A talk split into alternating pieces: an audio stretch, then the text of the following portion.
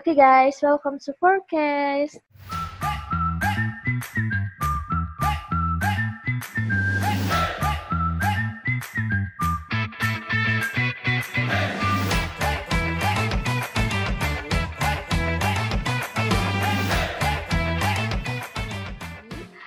Pada podcast yang kedua ini bakal diisi langsung sama gue, gue Farina Karimi. Pada podcast pertama gue nggak hadir karena saat itu pertama kalinya wabah pandemi corona datang masuk Indonesia dan diumumkan secara langsung oleh presiden, pemerintah dan pejabat institusi bahwa kita harus work from home dan untuk anak kuliah itu kita harus study from home. Nah, maka dari itu untuk podcast kali ini eh, kita melalui media yang sering banget dipakai orang untuk meeting yaitu media Zoom. Karena rekan gue Fadil sekarang sedang sibuk. Jadi sekarang hostnya itu cuman gue, tapi gue gak sendiri. Gue bakal ngundang satu pembicara yang bakal nemenin gue selama di podcast ini, selama berbicara tentang aktivitas yang dilakuin selama pandemi. Dan dia itu terkenal di seantara forces pokoknya, terkenal di kampungnya juga. Selain itu, orang ini juga dulunya sebagai ketua HRD angkatan 2018-2019 dan gue salah satu anak buahnya di HRD selama menjadi ketua orangnya sangat baik dan juga perhatian. Jadi buat kalian yang pengen curhat tentang apa pun itu, kendala apa pun itu, kalian bisa curhat langsung ke Kak Amel ini. Nah, ini orangnya udah dateng nih, tapi masih agak loading. Dikit lagi guys. Selain itu juga Kamel kemarin pada tahun 2019 kemarin dia baru aja pulang dari tiga negara, Singapura, Malaysia, dan Thailand karena dia habis mengikuti program. Hal itu tentu saja membuktikan bahwa dia itu orangnya sangat berprestasi, berprestatif tentunya ya. Oke. Okay. Dia masih connecting to audio. Nah, sudah. Halo. Hai semuanya, kenalin nama aku Amelia. Aku dari Departemen Manajemen Angkatan 57. Gak ada yang kata 53. Wow. Oke, okay, oke. Okay. Terus, terus? Uh, mantan pengurus dari Forces, mantan kepala Departemen HRD tepatnya. Okay. Jadi, mau tahu apa lagi? Mau tahu apa lagi? Kesibukan kakak sekarang lagi ngapain nih kak? Kalau sekarang lagi berusaha biar ngejar bisa seminar secepatnya. Amin. Nah, berhubung kita sekarang lagi sedang menghadapi pandemi COVID-19, bagaimana sih tanggapan kakak terkait kebijakan studi from home, bahkan institusi kita tuh menerapkan kebijakan untuk seminar online. Gimana tuh tanggapan kakak? Kalau uh, eh, gue mau mulai dari yang seminar online kali ya. Kalau misalnya dari kita-kita tuh yang anak tingkat akhir tuh justru lebih banyak kendalanya ketika uh, seminar online dibandingkan dengan secara langsung. Padahal harusnya lebih mengefisiensikan waktu ketika uh, online. Tapi ternyata banyak informasi itu yang nggak bisa tersampaikan dengan jelas. Kita contohnya aja di minggu kemarin itu di departemen itu kan harusnya ada ujian kompre. Ujian kompre itu harusnya kalau di hari biasa tanpa ada ujian yang online, pemberitahuan nama yang akan ujian itu biasanya keluar seminggu sebelum. Tapi e, di minggu kemarin itu jadwal keluar itu se satu jam sebelum kita ujian. Bayangin dong oh. mau ujian kayak gimana tuh. Dikasih taunya sejam sebelum keluar dan waktunya itu makin dipersingkat yang tadinya 90 menit jadi 60 menit dengan 100 soal. Bayangin dia tuh satu menit satu soal aja tuh nggak bisa. Terus habis itu beberapa dosen karena banyak kuliah yang harus dijalanin kayak kuliah online yang dari pagi sampai sore belum ngerjain tugas, belum harus monitoring siapa-siapa yang udah ngerjain tugas, udah ngumpulin tugas. Jadi anak tingkat akhir itu rata-rata tidak terlalu di apa ya istilahnya uh, jadi dosen itu lebih mementingkan kepada anak-anak yang masih kuliah. Jadi ketika banyak cerita dari teman-teman ketika mau bimbingan tuh beberapa dosen bilangnya nanti ya mau kuliah dulu mau nanti kalau udah selesai anak-anak kuliah baru kita bimbingan. Kayak kendalanya kalau bimbingan online tuh kan kayak nggak bisa langsung nggak bisa langsung kayak kita biasa tuh biasanya coret-coret terus misal pak kita mau nanya ini mau nanya ini kira-kira kalau gini, kayak gini gimana tapi karena online jadi kayak dosennya tuh udah coba baca bukunya lagi itu ada beberapa kesalahan jadi kayak kita digantungkan pada buku yang ya buku juga nggak bisa ngejelasin kita kan isinya iya. itu apa yang belum tentu kita pahami ah. kalau ya, buat yang sekolah online sih yang gue lihat adalah ketika gue kan ada di Lombok di Lombok itu hmm. termasuk daerah 3T atau NTB itu 3T yang di mana terluar tadi yang seperti itulah di sini itu untuk anak SD, SMP, SMA itu kan diliburkan tanpa diberikan kayak semacam tugas lah istilahnya nggak kayak anak kuliah yang setiap hari itu mereka bisa kuliah online. Kalau dari mereka masih banyak yang belum bisa untuk mengakses hal itu seperti mengakses internet.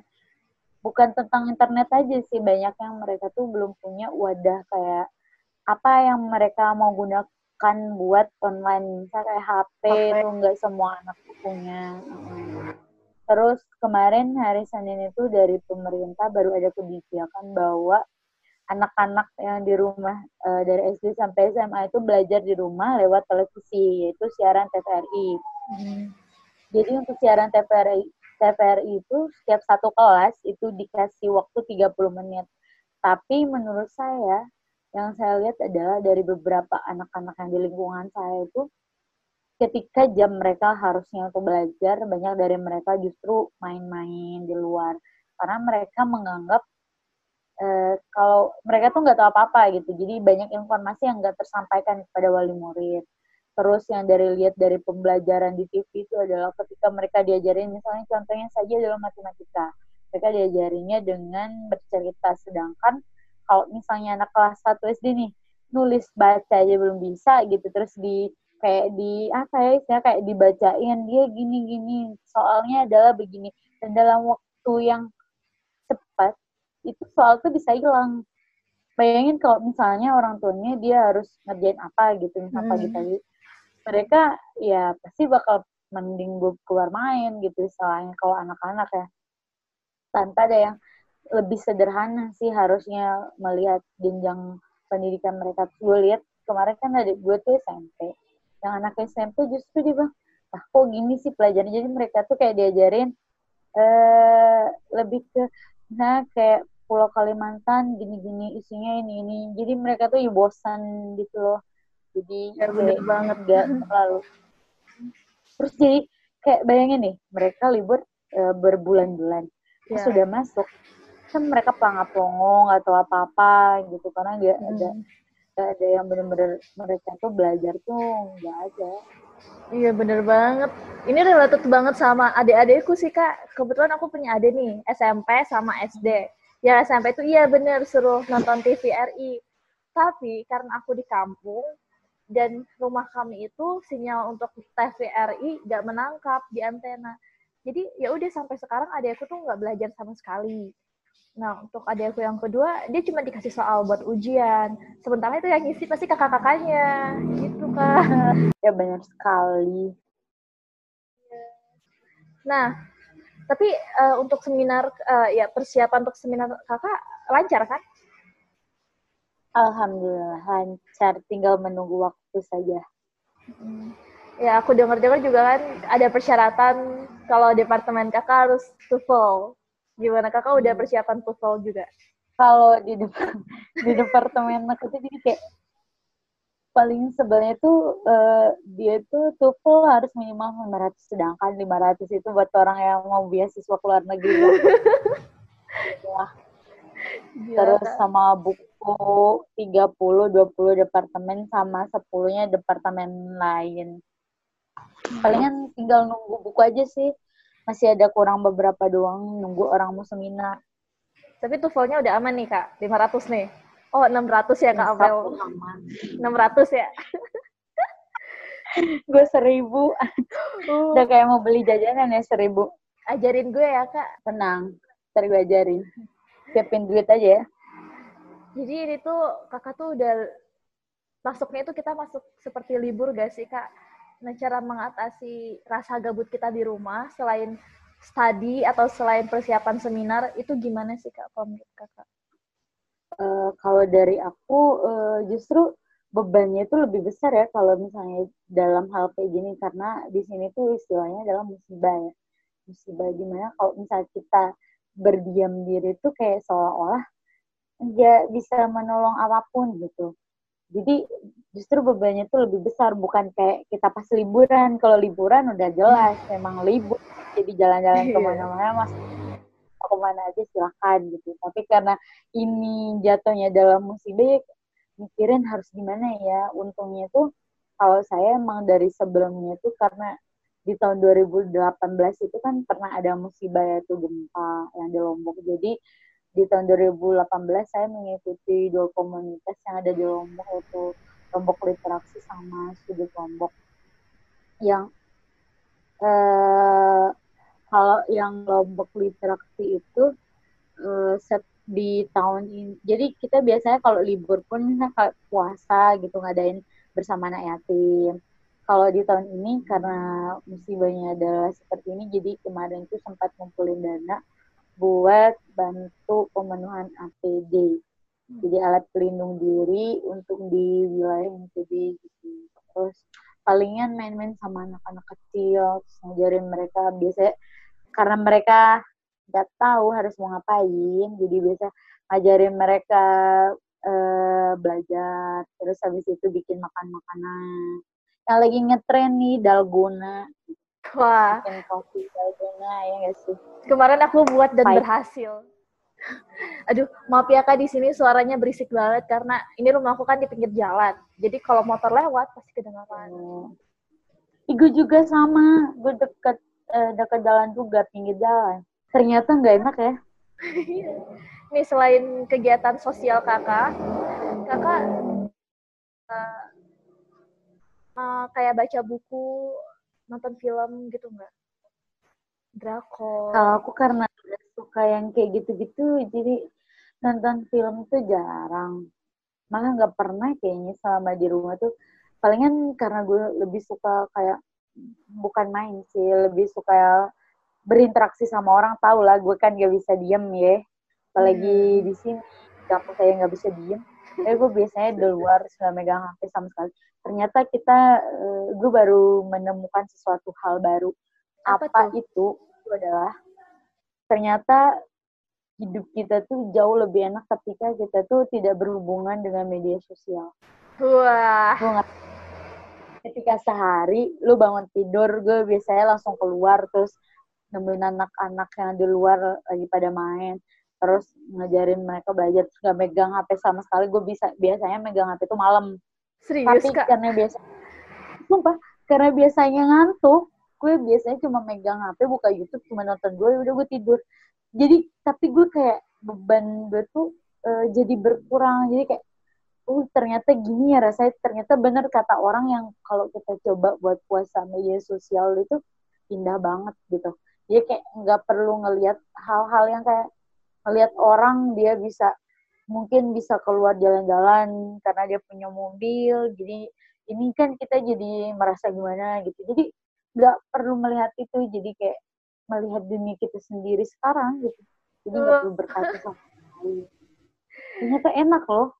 Cobain deh ya gimana? Aku nggak bisa nyobain kak. Bayangin aja semuanya oh iya kan kamu mau kamu mah kuliah, lu mah kuliah, gak bisa. Iya, harus ngecek line, ngecek WhatsApp, dosen. Nah, karena saya tingkat akhir dan informasinya tuh nggak terlalu apa-apa, palingan informasi keluar sekali doang gitu.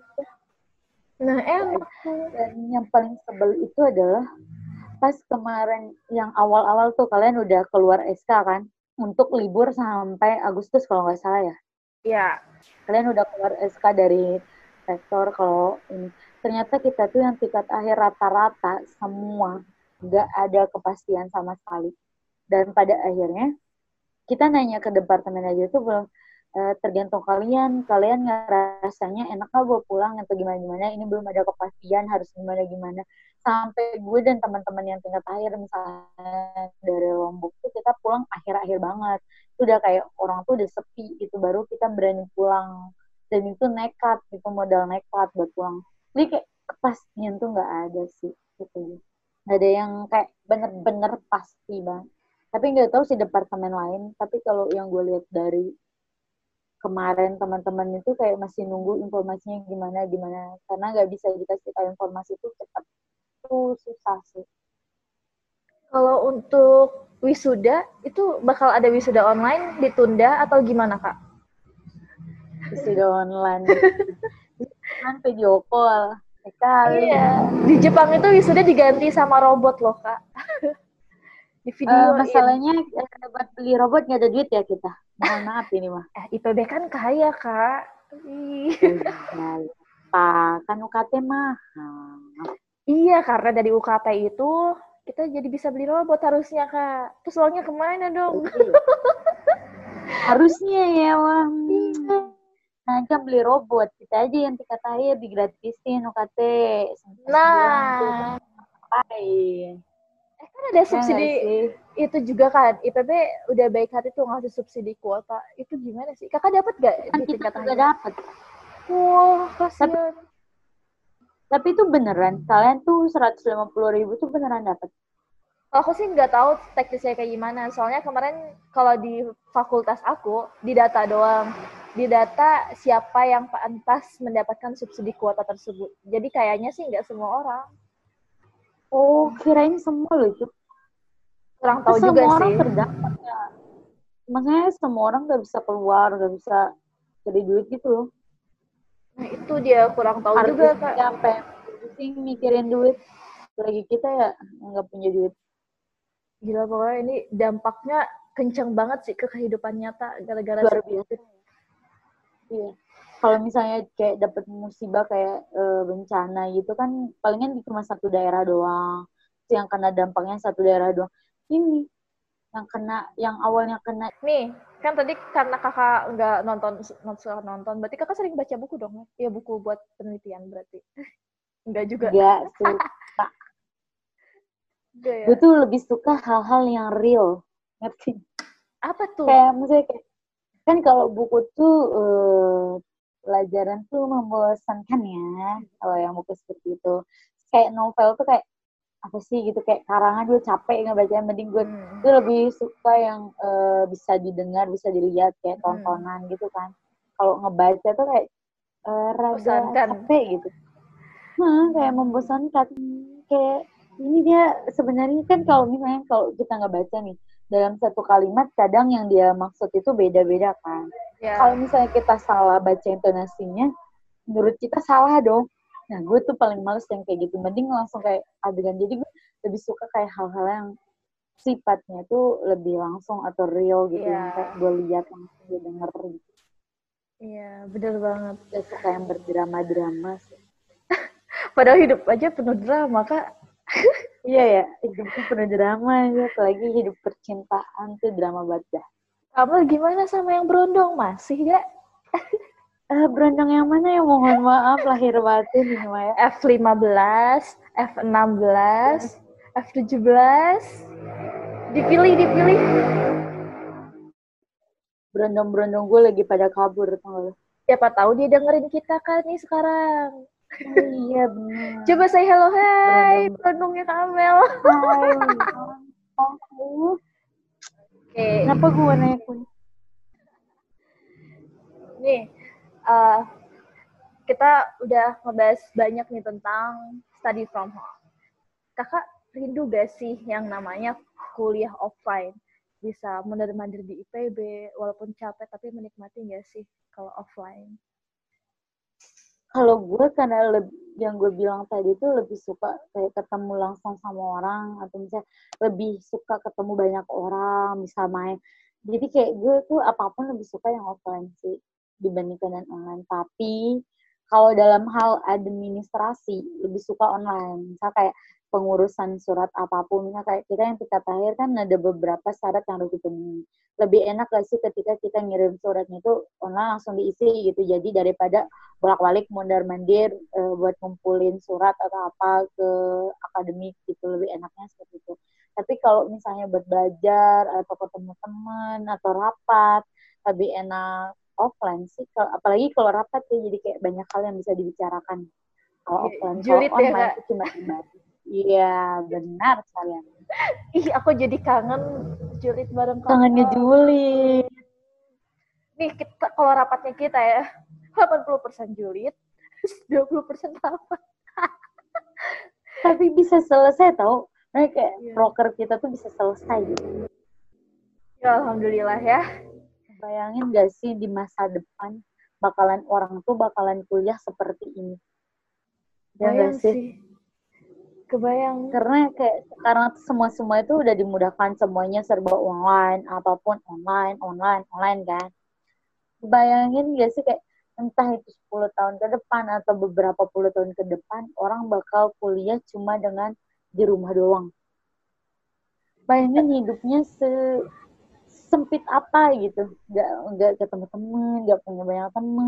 Temennya temen online gitu. Temennya teman-teman iya, iya temenan. iya. Aku pernah sih nonton film yang kayak gini nih tentang masa depan. Ya itu benar-benar sosialisasinya kurang banget ansos. Ih, jangan sampai deh, jangan-jangan kita ini kelinci percobaan ya, kak. Ih, ngebayangin dia, ih gue paling ngerasain sih kelinci percobaan. Maksudnya kayak gue tuh dari S, oh. dari angkatan gue ya, angkatan gue tuh SD kita percobaan buat un uh, 6 paket. SMP percobaan buat un 20 paket SMA percobaan un uh, buat uh, un uh, komputer pakai komputer yeah. terus uh, 13 pas angkatan gua percobaan pas kuliah nemuin beginian tiket akhir ya Allah yeah. kayak enggak By the way, UN sekarang dihapus loh. Gel. Enak banget. Apa? UN ya, sekarang UN dihapus. Tapi pada pusing ngambil nilainya dari mana. Nah, itu sih salah satu yang menurut gue tuh belum tersosialisasikan dengan hmm. benar. Iya.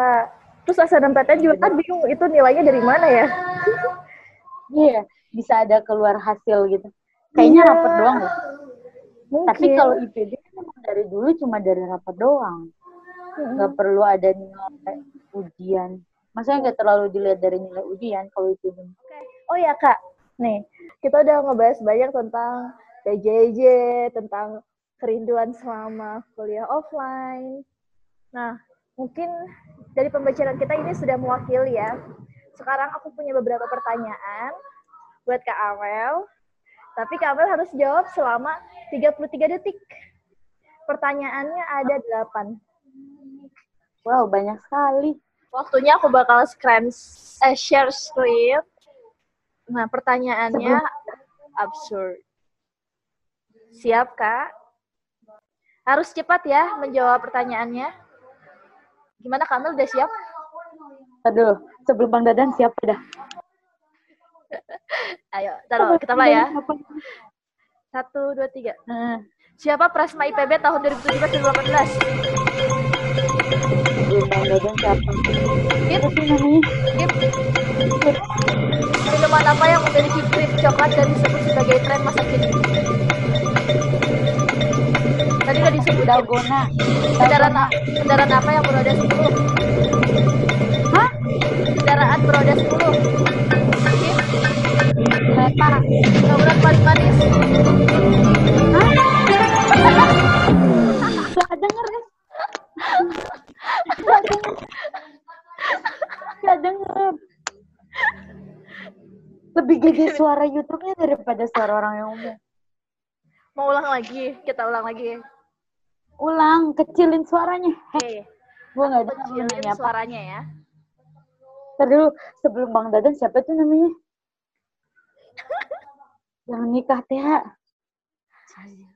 2017 2018 yang, kak yang dia nikah belum nikah dia belum nikah siapa Bang Dadan Bang Dadan tuh 2019 sebelum Bang Dadan kapan Sebelum Bang Dadan, sebelumnya lagi. Pokoknya jawab aja Sama Majid. ya. Jawab di sini ya. Ah, gue lupa lagi. Pokoknya kita mulai. Kita mulai lagi. Sudah melihat ke arah layar? Lu, pertanyaannya lain apa gue kelihatan bego gitu karena nggak pernah belajar. Harus cepet ya kak. Kalau kak kalau nggak tahu skip aja. Oke? Oke. Mulai dari aku acak nih. Iya. Serah. Gunung tertinggi sedunia. Malaya. Eh, berbaju oranye. tentara Siapa Presma IPB Universitas? sebelum bang badan lupa kelompok Um, minuman masa kini. Targona, Kendaraan berada kereta, Bangunan paling cantik. bangunan, Skip. paling cantik, Sapi-sapi apa yang nempel di dinding? sapi sapi apa? Sapi antara yang apa? Oke, sapi apa? selesai. Sapi-sapi apa yang nempel di dinding? Sapi apa? Spiderman. Oh, gue bilang sapi perah. Oke, jadi poin kakak benar. Sa- yang benar itu gunung tertinggi sedunia Everest, salah satu. Pasukan berbaju loreng Iya bener, tadi bilangnya Everest Ih, terakhir. Himalaya. Eh, Everest. Everest. Iya, Himalaya. Everest, ya Allah. Oke, oke, Everest. Berarti betul nih. Bego banget. Pasukan berbaju loreng tadi kakak jawabnya apa? Tentara Oke, betul dua. Presma sebelum Yang- Bang Dadan, gue lupa namanya. salah satu. Hamajid. Salah, udah. Terus Siapa minuman? Dalgona, benar. Kendaraan beroda 10. Apa tadi kakak sebut? Kereta. Kereta rodanya banyak, Kak. Jadi Jadi lebih dari 10. kan beroda 10. Jawabannya mobil tronton. Oh, iya. Nah, Gue gak pernah terus- ngitung mobil tron. kan gede tuh. Eh, aku nggak naikin kaki. Berat, terus bangunan paling manis tadi kakak jawabnya apa? Paling cantik. Eiffel. Salah. Candi. terus sapi nggak kejawab ya. Iya nggak tahu. perah. Salah. Spiderman. Berarti cuma betul tiga. Yeay. Tiga poin untuk Amel. Hadiahnya nggak ada. Karena salah. Harus ada dia gak mau tahu. Nggak ada. Oke, Kak. Hmm. Kita udah ngobrol panjang banget nih, Kak. Panjang kali lebar kali tinggi itu jadi segitiga. Sekarang aku pengen tahu nih pesan-kesan kakak untuk Forces dan juga pesan kakak untuk orang yang mendengarkan podcast ini. Anjay. Kesan, Iya, kesan apa pesan dua-duanya? dua-duanya, dua-duanya kak. Udah, eh, yang pertama sih kesan berada di Forza selama empat tahun sampai mau lulus dari awal masuk tuh menurut gue gue benar-benar menemukan teman-teman yang bisa membantu gue dalam keadaan apa pun, bisa tempat berbagi ilmu, tempat ketemu orang-orang yang super-super hebat, ketemu sama adik-adik yang super-super nyebelin tapi baik hati, ketemu sama banyak hal lah yang gue dapet pembelajaran tuh dari proses. Karena menurut gue ketika gue udah memilih salah satu yang harus gue terjun di sana gue harus benar-benar di sana. Makanya kayak dari awal gue di proses yang bukan siapa-siapa sampai alhamdulillah bisa dikasih amanah tuh luar biasa sih.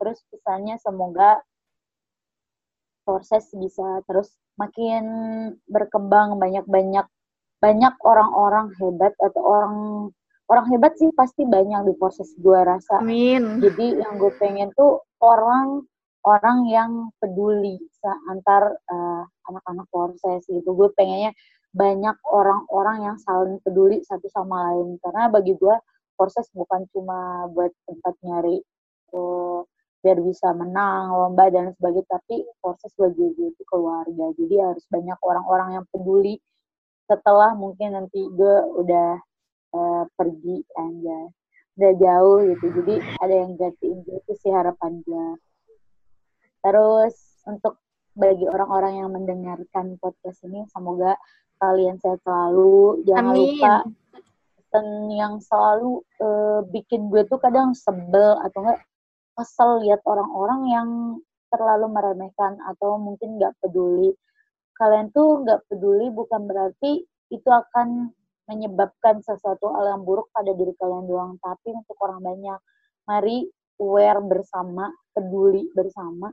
Jangan sampai orang-orang yang kalian sayang, orang-orang yang kalian orang-orang yang kalian jaga di sekitar kalian tuh bisa terkena dampaknya gitu. Jadi mari peduli sama diri kalian dan orang-orang di sekitar kalian. Dan buat teman-teman yang lagi menjalankan kuliah online, sekolah online, seminar online, semangat terus. Yang lagi penelitian, semoga bisa kita selesai. Terus semoga bulan puasa nanti uh, musibah ini bisa segera selesai Amin. dan Amin. Dan semoga uh, kita semua selalu dalam lindungannya. Saya pribadi mohon maaf apabila ada kesalahan, baik itu yang disengaja maupun enggak, yang pernah berhubungan dengan saya. Baiknya hmm. saya itu yang kalian ambil, tapi buruknya saya itu berasal dari saya sendiri dan saya minta maaf kalau misalnya ada hal-hal yang tidak baik yang pernah saya lakukan. Sip. Saragyo, Aishiteru buat penutupan dong kak. Nyanyi buat kita. Nyanyi apa? lagu apa? Oh ya apa pun. Tahu. Balik ke sini rumah kita sendiri. Segala nikmat dan anugerah yang kuasa. Semuanya ada di sini. Stay, stay di Thank rumah ya, you. ya teman-teman. Bye. Dadah Kak Amel. Bye. Terima kasih. Oke okay guys, sekarang kita sudah berada di penghujung podcast kali ini. Terima kasih untuk kalian yang sudah setia mendengarkan forecast dari awal sampai akhir. Bahkan sudah mendengarkan podcast ini dari bulan Maret di mana kita pertama kali upload podcast di Spotify. Untuk selanjutnya, jangan lupa tetap stay tune di akun Forces karena kita akan selalu update podcast di tiap bulannya dengan tema yang berbeda-beda. So, that's all. Gue Farina Karini, pamit undur suara. Bye-bye! Hey!